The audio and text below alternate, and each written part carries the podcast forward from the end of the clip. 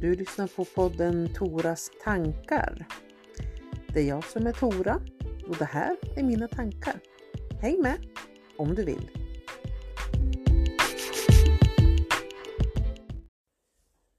Utveckling är ju någonting som alltid verkar vara så himla bra, viktigt, nödvändigt och som kommer att göra gott för alla.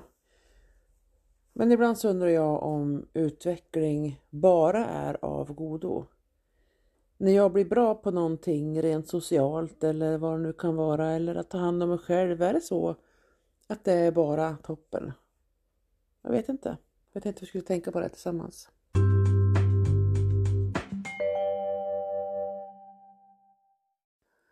Vi lever i en tid där man hyllar utveckling eh, och man förväntas hela tiden leta efter sina brister så att man kan göra någonting åt dem. Och bristerna i sig behöver inte vara en brist som gör så att jag har svårare för att göra något, utan det kan vara en brist jämfört med det samhälle jag lever i och det samhällets behov. Och det här kan ju upplevas som att det går lite i motsatt riktning från många andra av mina inlägg i den här podden. Men så kan det vara därför att råd kan vara på olika sätt beroende på vilken situation det är och ett syfte kan också vara att se saker från olika håll. Och när jag pratar om att utveckling också kan vara tokigt för en enskild person, det är om jag utvecklas enbart för att passa in någon annanstans. Något som går emot mitt eget inre egentligen. Om samhället önskar sig utblommade blommor och jag gör allt jag kan för att blomma, men jag själv tycker att knoppar är det finaste, då blir det en konflikt i det där. Men det kan också vara så att jag tycker om att vara den utblommade blomman. Låt säga att jag har bestämt mig för att jag ska börja säga nej mer till andra för att skapa utrymme för mig själv. Jag kanske har varit riktigt dålig på att säga nej så att jag har vänt ut och in på mig själv, använt all min kraft och energi och varit superbjussig tills det har tagit helt slut i mina egna depåer. Då låter det som en otroligt vettig sak att göra och det tycker jag att det är. Men ibland så kan det vara så himla roligt att upptäcka att man kunde utvecklas. Att stoltheten över att kunna nej, säga nej gör att jag säger nej lite på automatik. Att det blir min nya grej att säga nej för att sen kanske gå tillbaka och säga jo, nu har jag tänkt, jag kan vara med. Okej, okay, varför kan det vara dåligt då? Dels kan det ju vara inte alls dåligt.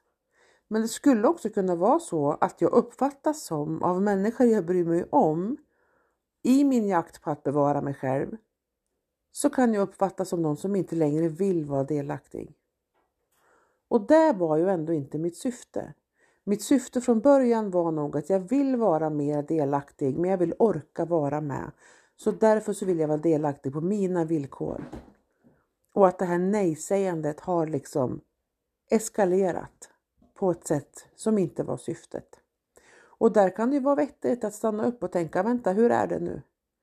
Eller om jag har ärliga vänner som säger till mig att du, nu känns det som att det inte längre handlar om att du ska bevaka din tid och din kraft utan jag tycker nu att det känns som att du inte vill umgås med mig.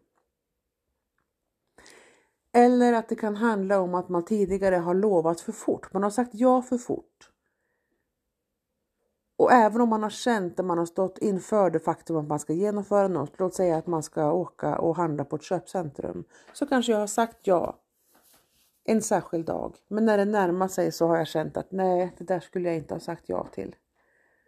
Det finns ju en, naturligtvis en rättighet hos var och en att ändra sig i princip när som helst. Därför att så kan det vara. Jag kan inte begå våld på mig själv för att jag har lovat dig att följa med till köpcentrum. Om jag kraftigt känner att nej, men jag kan inte det här. Det kommer skapa otrolig stress för mig. Jag kommer inte hinna till mitt nästa möte eller jag mår inte bra av att vara bland folk. Och då kan det faktiskt vara bra att träna på att också våga säga nej i sista stund och att det får vara okej. Okay. Om det känns sant för mig så kommer det att bli bra. Det kommer att innebära att någon annan blir besviken, men då får den hantera sin situation. Även här kan det gå inflation i det. För om det visar sig då att jag blir så bekväm med att säga nej i sista stund så att det inte längre är ett problem att jag lovar lite för snabbt. Då kommer jag uppfattas som en sån som inte går att lita på. Jag kommer att vara den personen som, ja hon ska följa med, men det vet jag inte förrän hon sitter i bilen. Ja, hon ställer upp och delar på den här presenten, men det har vi inte sett förrän faktiskt det är delat på. Och det är klart att den personen kan man ju vara. Men frågan är om du vill vara den. Och så är det ju med all utveckling och alla beteenden som du heller inte vill förändra. För utveckling betyder egentligen bara att någonting flyttar sig framåt. Utveckling för mig säger ingenting om det är positivt eller negativt eftersom det ju sitter i betraktarens ögon och öron, situationens skeenden och vinningen för de olika som är involverade i det där. Som sagt, du kan älska utblommade blommor, men om du också tycker väldigt mycket om knoppar så är en utveckling av den knoppen inte det du är ute efter, fast det är utveckling. Okej, okay. så hur vet man? Jag vet inte. Men tänk efter. Ha ärliga vänner. Var ärlig med dig själv. Du kanske har upptäckt att tid ensam är där du har behövt jättelänge och självklart kommer det att kunna vara en tid då den överdrivs för att du ska nöta in ett nytt mönster, nöta in en ny känsla av att jag kan vara ensam utan att det bekommer mig. Från början när man tränar på att vara ensam så tenderar man att göra en grej av det. För att kunna njuta av sin egen tid så behöver man ha ett bubbelbad, ett glas bubbel, en god bok, en bra playlist och kanske lite choklad. Då är det skönt att njuta av att vara ensam. Men att njuta av att vara ensam när det inte är något särskilt på tvn, du kanske har lite ont i huvudet, du är ensam hemma men du skulle också behöva tvätta. Det kräver en annan typ av träning. Men ensamheten där, den egna tiden, det egna utrymmet att tänka behöver inte bestå i att jag är alldeles stilla i en soffa eller ett badkar. För jag har ju mina tankar i fred. Och jag tror att för många av oss är det det som är den egen tid vi behöver. Att få tankarna i fred. Och där öppnar sig en massa olika förslag på vart du kan få ha tankarna i fred. Det kan du till och med ha när du går på affären.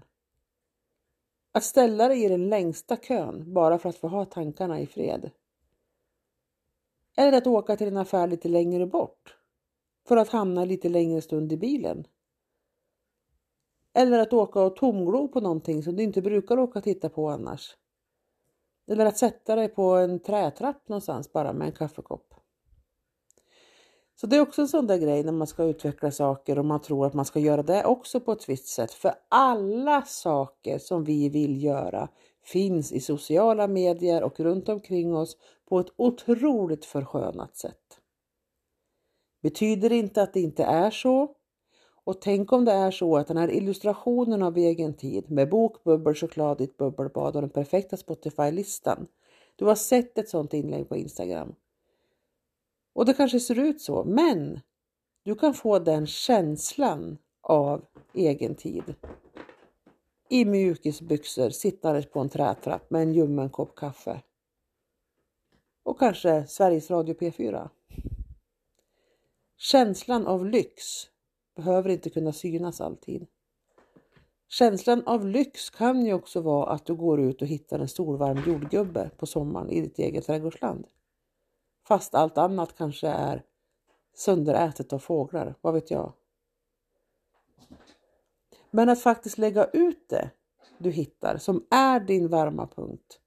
Att dokumentera det någonstans oavsett om du har en tacksamhetsdagbok eller om du skriver någonting annat för hand eller om du kanske lägger ut det själv i sociala medier. Var inte rädd för det.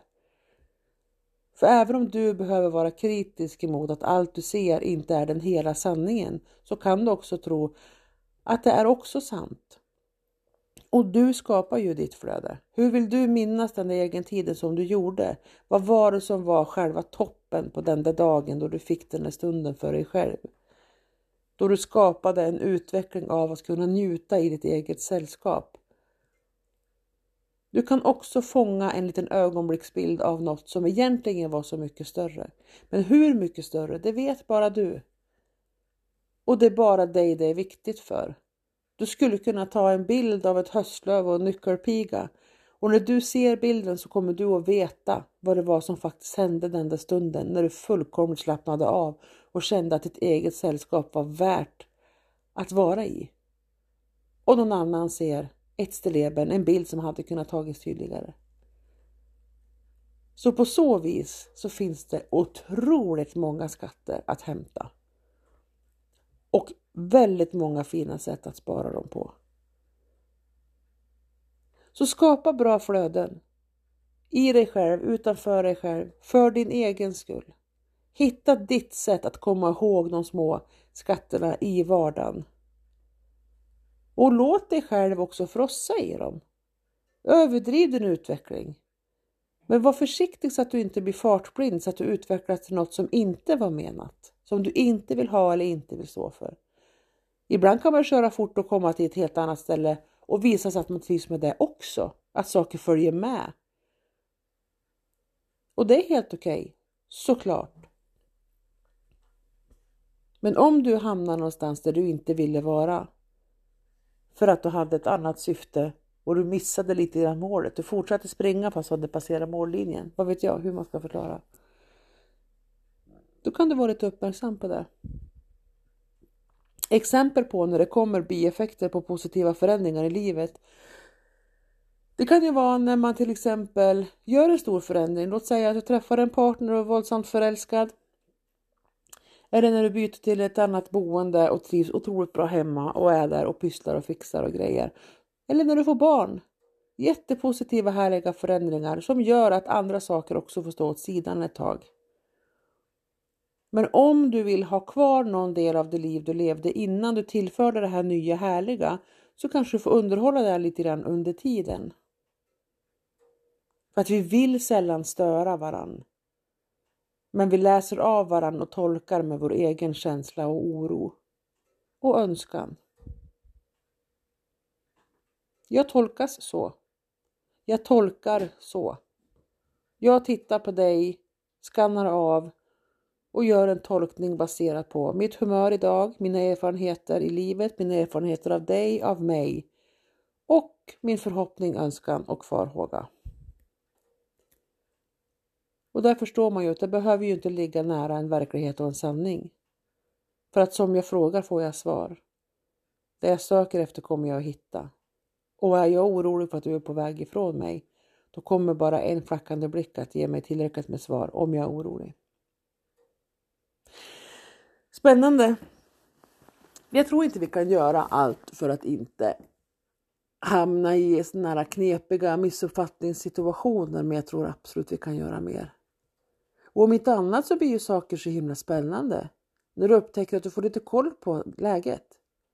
Inte allt kan du ha koll på, du hinner inte det, det händer för mycket. Men på det som är viktigt, att ta dig tid och titta lite. Det kanske du ska göra där när du har din egen tid. Fundera. Vad bidrar jag med? Hur är det nu runt omkring? Du kanske upptäcker att det inte är så knepigt att folk inte hör av sig. Fast jag kanske lever ett ganska upptaget liv när man tittar på det utifrån. Det är ju bara du som vet hur det känns. Det är du som vet vad du tänker när du har gått och lagt dig på kvällen. Vad vill du ha då? Är det det här eller är det någonting annat?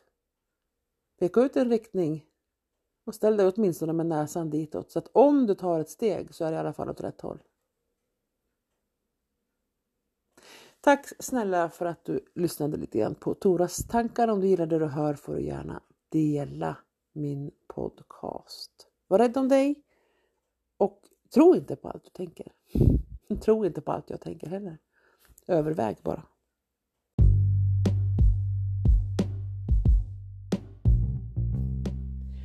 Du har lyssnat på podden Toras tankar. Det är jag som är Tora och det här var mina tankar idag. Tack för att du var med mig.